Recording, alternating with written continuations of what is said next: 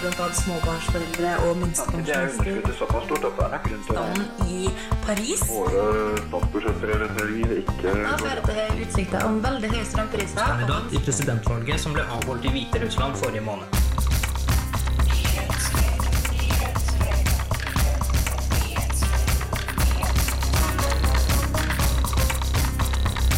Nyhetsfredag.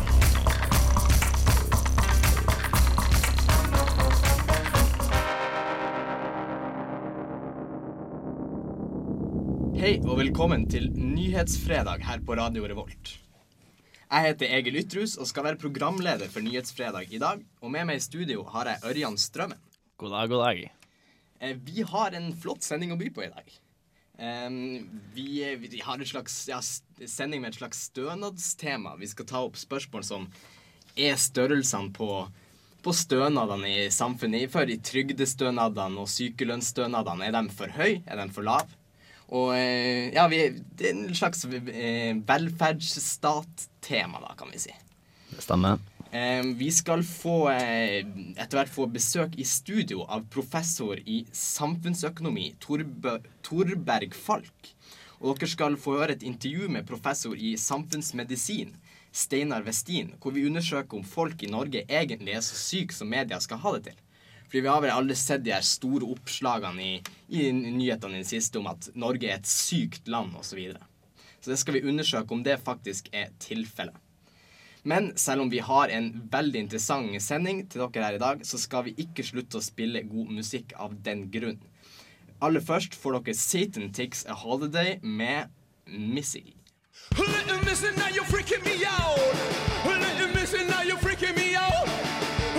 Missing, now you're freaking me out. Little missing, now you're tell me yeah. Little missing.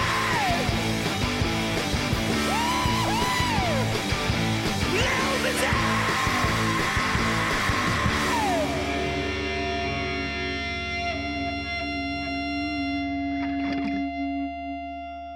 At jeg heter Steinar Westin og er eh, professor i sosialmedisin på NTNU.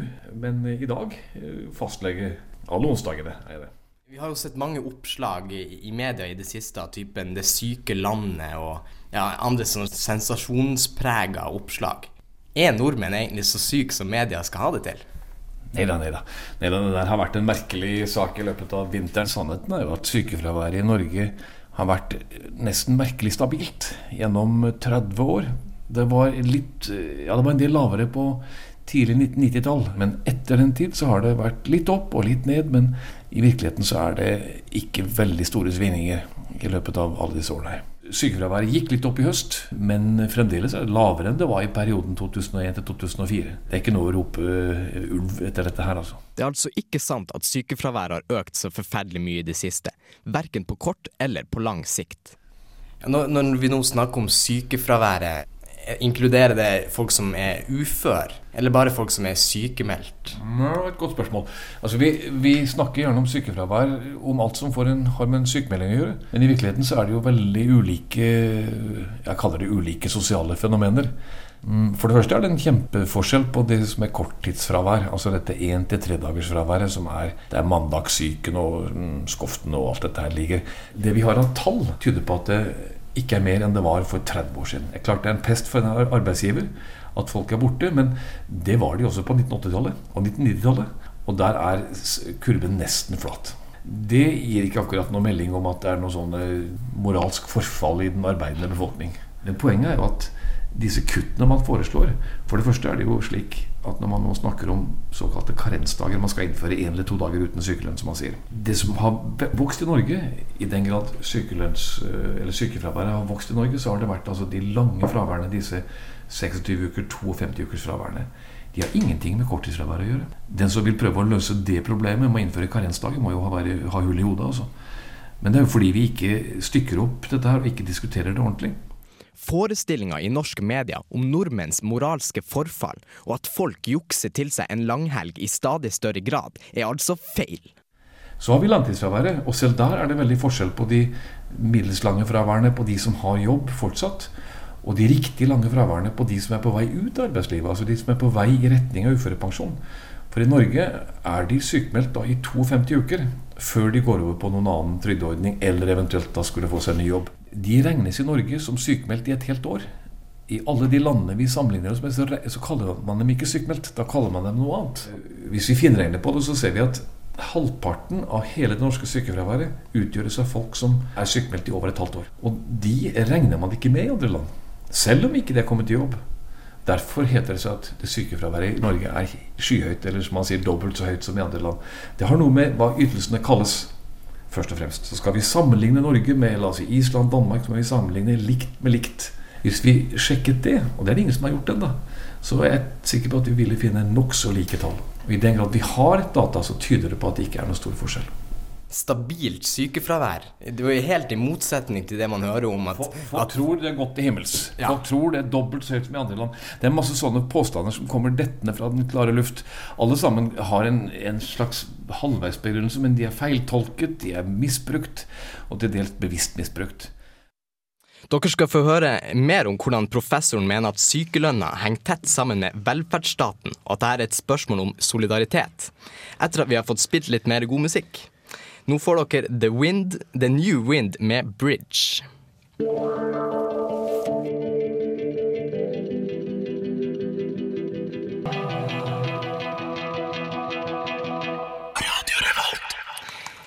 Da hører du på Nyhetsfredag her på Radio Revolt, og det var jo ikke The New Wind med Bridge du hørte, det var jo Yeah-Sayer. Yes.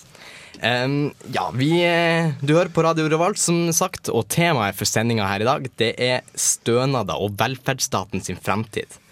Og eh, før vi Ja, vi skal eh, gjøre et dypdykk dypdykk i det her temaet sammen med professor i samfunnsøkonomi. Eh, Torberg Falk etter hvert videre i sendinga, men først så skal dere få fortsettelsen på intervjuet med professor i samfunnsmedisin Steinar Westin. Jeg skal være litt ekkel, så skal jeg si at dette her er verden sett fra vinneren. Det er på en måte elitenes eh, blikk, en slags eh, hets på folk flest som bryter løs av og til. Altså. Og nå kan det jo godt hende at eh, arbeidsmoralen er et problem i deler av befolkningen, men vi har, ikke, vi har ikke tall og statistikk som tyder på at det er gått i noen betydningsfull gæren retning. Steinar Westin karakteriserer altså sykelønnsdebatten som en slags hets mot folk flest, men er ikke det å ville ha ned sykefraværet et selvfølgelig standpunkt, uavhengig om fraværet er på vei opp eller ikke? Vi kan snu på det og si jo flere vi har inkludert i arbeidslivet, jo mer koster sykelønna. Det er egentlig en god nyhet. Det at folk er på jobb, gjør at de også har rett til sykefravær og sykelønn. Vi må se på dette er faktisk en pris for å ha en stor del av befolkningen i arbeidsstyrke. Westin trekker videre sykelønnas historie fram som et fyrtårn for solidaritet og den norske velferdsordninga.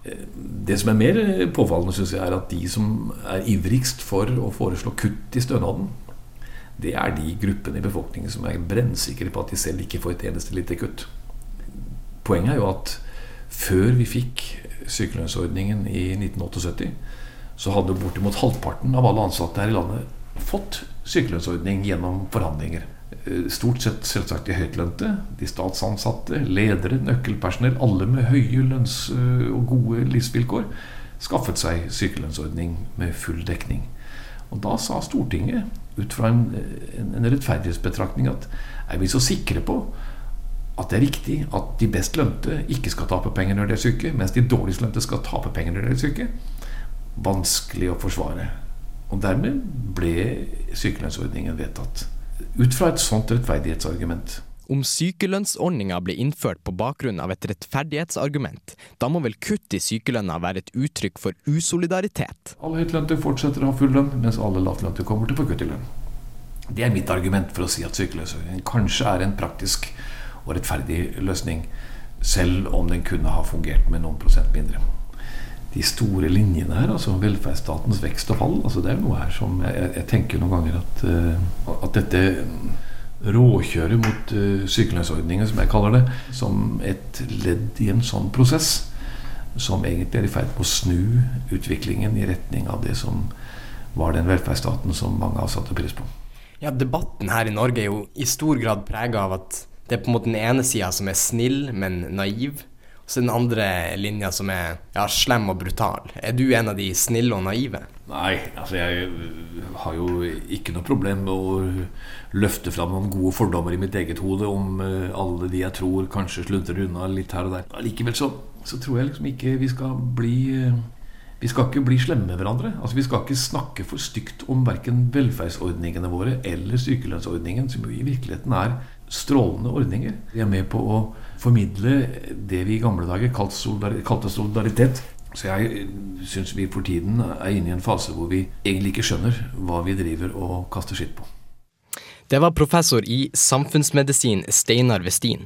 Og vi har mer professorer å by på i dagens sending. Vi har fått besøk i studio nemlig av Torberg Falk. Professor i samfunnsøkonomi og instituttleder for Institutt eh, for samfunnsøkonomi ved NTNU. Velkommen til deg. Takk skal du ha.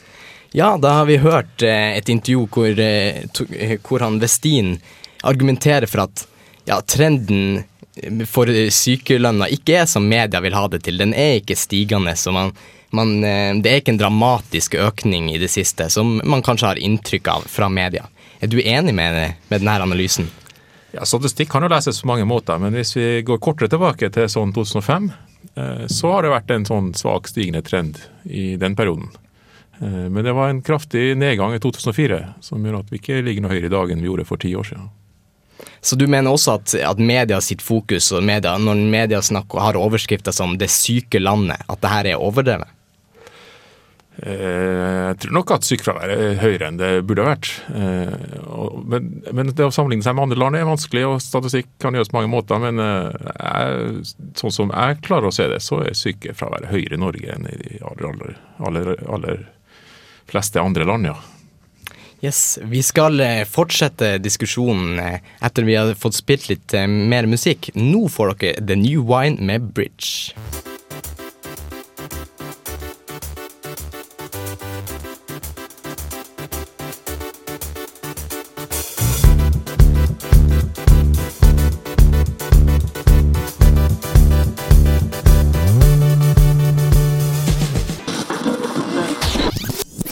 Du hører på Nyhetsfredag på Radio Revolt. Jeg heter Egil Ytrhus, så eh, med meg i studio har jeg Torberg Falk, professor i samfunnsøkonomi.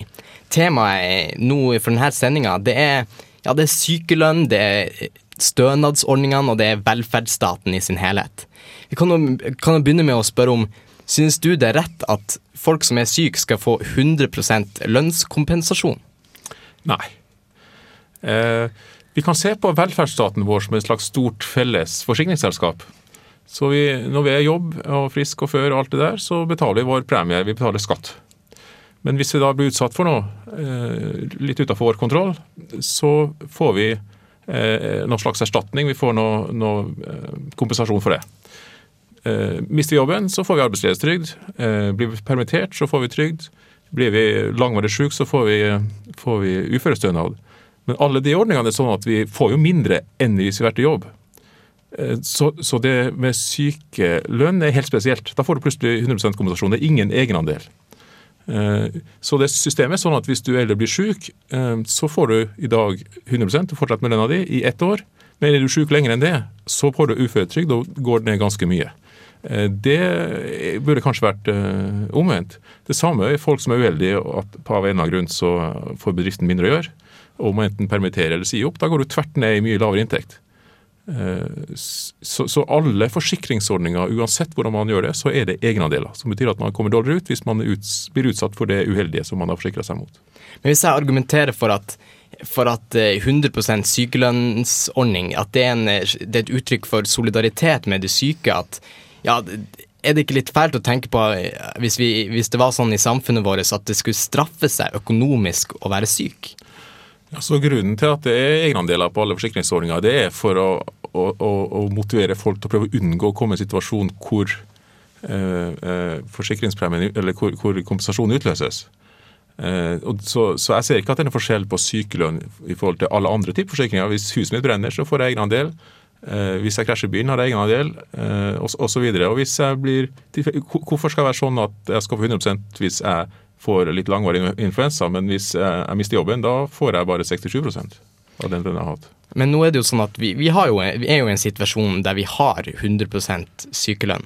Kan vi ikke ta oss råd på en måte til den, eh, ja, den, eh, det samholdet i samfunnet og, og velge å opprettholde denne ordninga?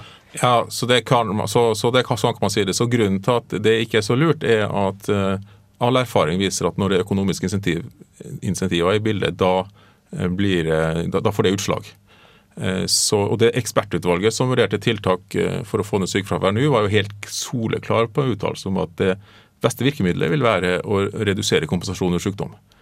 Eh, Så jeg, tror at da ville vi rett og slett flere ha tenkt seg om eh, og, og, og, og også gjort noe aktivt sjøl for å prøve å hindre å komme Så ta, et eksempel. Eh, Mye av sykmelding er knytta til at man er utslitt. eh, Har jobba for hardt, at det blir for stort press på for mange hold, og så blir man sjukmeldt.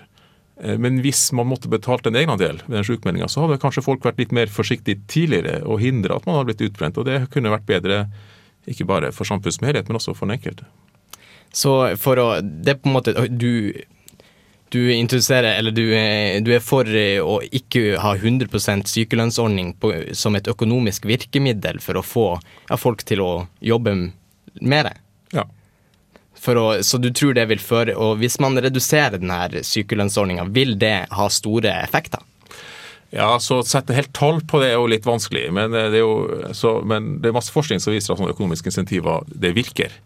Eh, og som sagt, der ekspertpanelet var jo overbevist om det, og det var jo veldig bredt sammensatt. Eh, men akkurat hvor, hvor mye, det, det skal jeg ikke prøve å gi meg ut på noe tall. Og det er klart, det vil også være avhengig av hvor, hvor mange prosent man eventuelt ville fått da ved sykdom. Men trenger vi egentlig å innføre de her tiltakene for å redusere sykelønnsutgiftene? Eh, ja, så eh, Økonomien i Norge går jo strålende. Er vi nødt til å innføre tiltak? Eh, ja, eh, eh, det er jo noe man kan diskutere, selvfølgelig. Eh, men la meg si sånn at den, de, de velferdsstatsordningene vi har, er, er, er vi nok alle her i landet veldig godt fornøyd med. Vi, vi liker å være en velferdsstat på den måten, men samtidig må vi passe på at de er, er levedyktige, eh, sånn at ikke eh, det vi lever av, er tross alt folk som er i arbeid og produktivt arbeid. og Det, det må vi eh, passe på hele tida, at, eh, at eh, det er stor nok del av befolkninga er. Så slik ordninga er i dag, da, så kan folk bli frista til å være syk uten å egentlig være det. Som igjen kan føre til at den ordninga her blir eh, går i oppløsning. Ja, det, så det, det er litt vi ser et utslag av nå, at flere og flere sier at det her, det, her er det så store utgifter for offentlig at vi må, vi må, eh, må prøve å gjøre noe med det. Så må vi, eh, men så, sånn må vi på en måte tenke for ordning for ordning, at de må være innenfor rimelighetens grense. Ja, Vi skal prøve å på en måte utvide horisonten vår og se på sykelønnet som en del av ja, velferdsstaten i sin helhet. Etter at vi har fått hørt litt eh, mer musikk. Da, nå får dere Massive Attack med Girl I Love You featuring Horace Andy. Du hører på Nyhetsfredag, og med oss i studio har vi Torberg Falk. Du har argumentert for at sykelønnsordninga er litt for liberal. At, eh, ja, at 100 eh, lønnskompensasjon kanskje ikke ideelt for økonomien. Um, Er, dette et uttrykk for en generell holdning i samfunnet at, av, av at ja, velferdsordningene generelt sett er for liberal?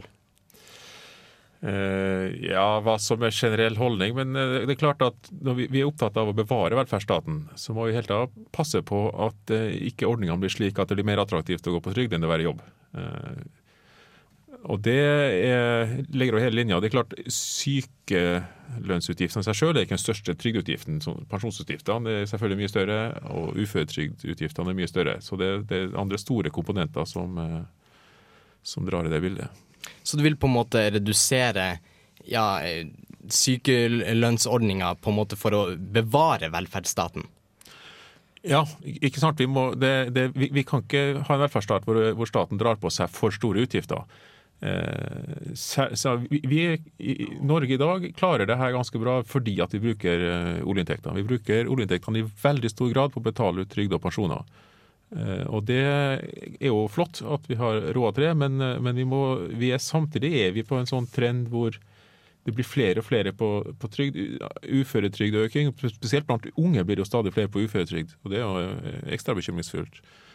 Eh, Og, og pensjonsutgiftene øker av seg sjøl for at det blir flere eldre. Så det, det, det er noe med at for at vi skal bevare velferdsstaten sånn som vi har den i dag, så må vi passe på at ikke ordningene blir brukt for mye. Mener du at velferdsordningene generelt sett er for liberale? Burde man kutte ned i, ja, i trygdestønadene og eh, andre pensjonsutgiftene, pensjonsstønadene? Syns du det også burde kuttes? Eh, Ja, så Mange har jo behov for sånne stø- stønader. Det er litt av det forsikringsordninga vi har lagt oss på. Snart er velferdsstaten i et nøtteskall. At dem som ikke er i stand til å jobbe, dem skal vi ta vare på eh, via det offentlige. Eh, Men, men det som er viktig, er at det er insentivene til å jobbe, så alle som etter beste evne og etter noe tilrettelegging kanskje kan være i jobb, at de også kommer i jobb. Det, det er det som gjør at vi har mye å fordele til dem som ikke er i stand til å, å være i jobb.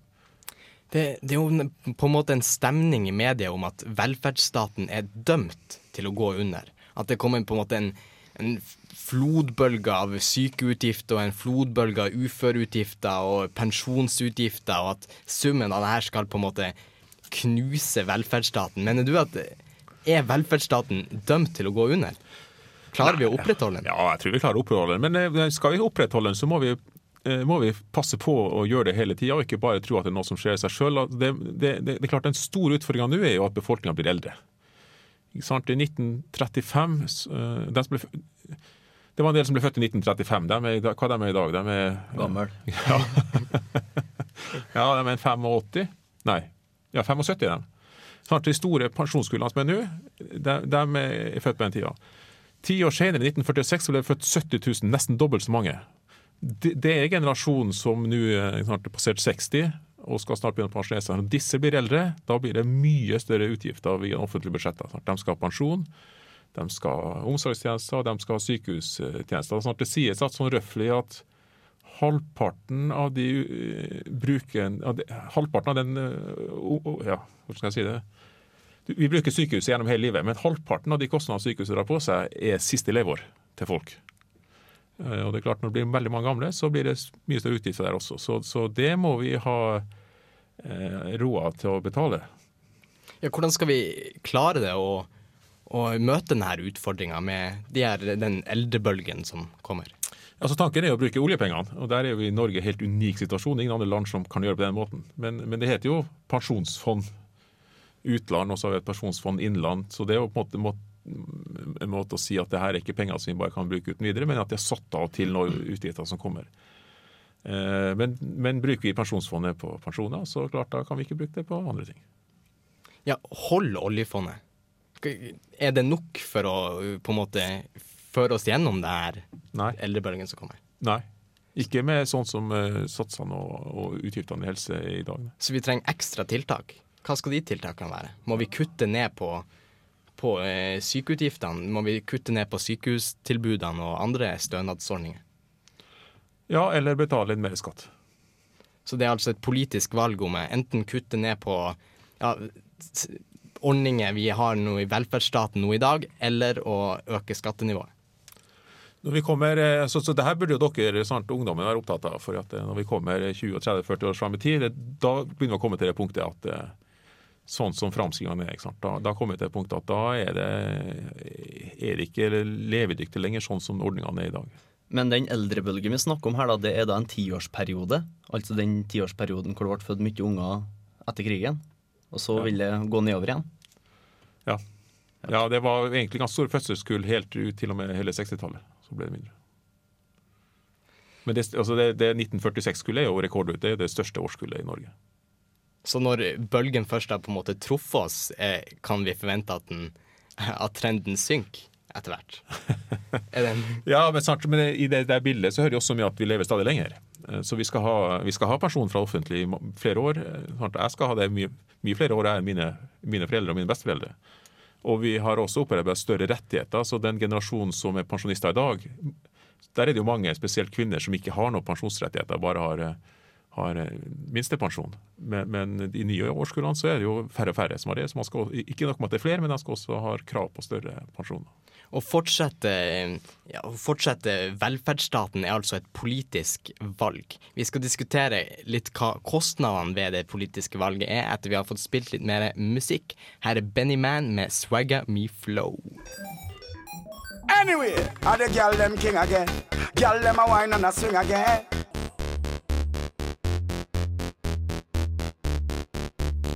Du hører på Radio Revolt, studentradioen i Trondheim. Og programmet er Nyhetsfredag. Vi har en slags eh, velferdsstatstema her i dag, og med oss i studio har vi Torberg Falk, professor i samfunnsøkonomi. Vi har eh, ja, kommet fram til at eh, om vi skal fortsette velferdsstaten, er altså et, et politisk valg. Det, det er på en måte ikke døm, Velferdsstaten er ikke dømt til å gå ned, som man kanskje kan få inntrykk av i media. Man, eh, ja, kanskje må vi ha, betale litt eh, mer skatt, er ikke det riktig? Det kan vi nok risikere, ja. Det er ikke skattenivået høyt i Norge, så det kan jo godt mene at vi har råd til det. Ja, hvor, I hvor stor grad må vi, ja, når eldrebølgen kommer, hvor stor grad må skattene settes opp hvis vi skal eh, beholde velferdsstaten ja, noenlunde sånn som det er nå i dag? Ja, altså Det jo, går ikke an å være konkret på, men det er klart at eh, hvis man klarer å opprettholde en arbeidslinje hvor det store, store store flertallet av folk i arbeidsfør alder er jobb, snart man er jobb fram til man er 70, så blir jo belastninga mindre. Eh, Og hvis man klarer å organisere sykehusvesen slik at eh, den kostnadseksplosjonen der stopper, så vil det hjelpe mye. Men i den sånn litt lange sammenhengen så handler det jo veldig mye om at, at de nye generasjonene kommer, får en god tilknytning til arbeidslivet. Og, og, og, og det er derfor vi, vi, sant, vi må følge med på at det, også, at det også skjer, og prøve å gjøre noe hvis det ikke skjer. Så i det bildet er det jo veldig bekymringsfullt at det er eh, heller en økning av, av, av, av ungdommer som ikke klarer å fullføre videregående.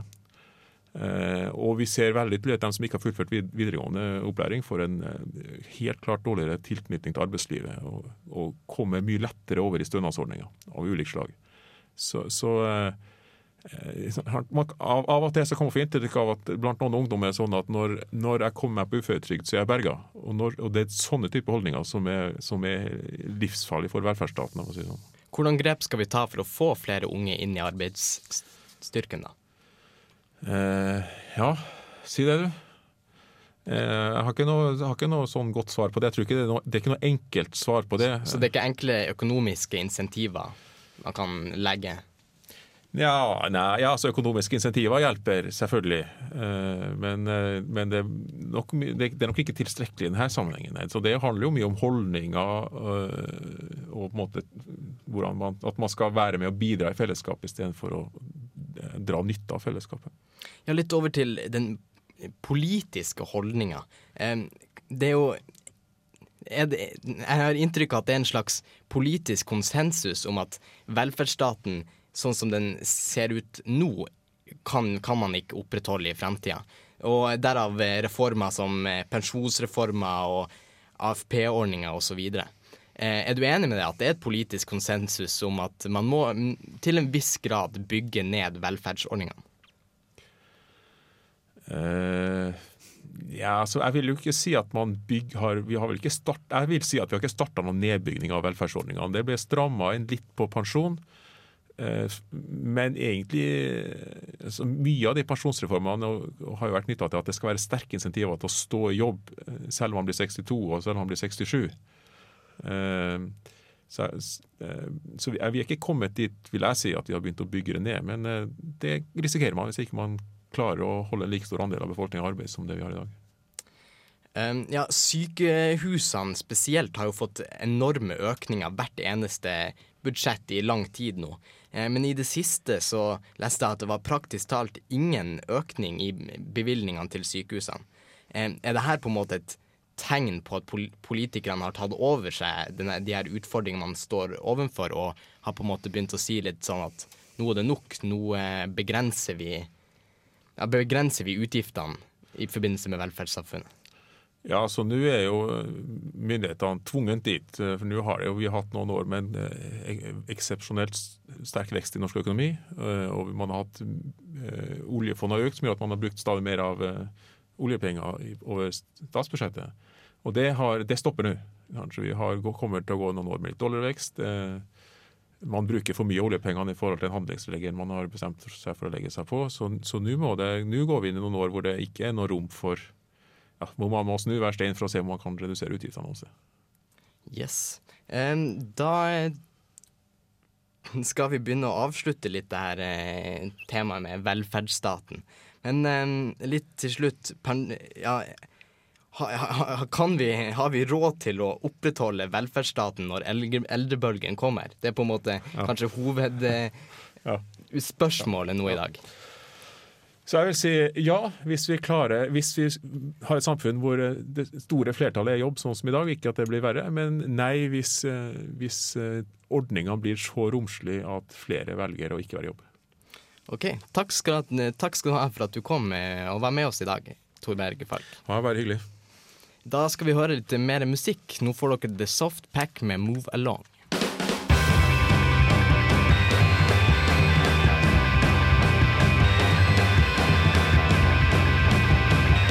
Nyhetsfredag. Stemmer det. Du har hørt Nyhetsfredag her på Radio Revolt, som går fra fire til fem på fredager. Vi har hatt en flott sending i dag, syns du ikke det, Ørjan? Jeg er helt enig i at det har vi. Og vi kommer tilbake neste uke også. Um, men eh, ja, da kunne vi på med litt mer musikk. Her får dere The Brunettes med The Crime Machine. Listen up.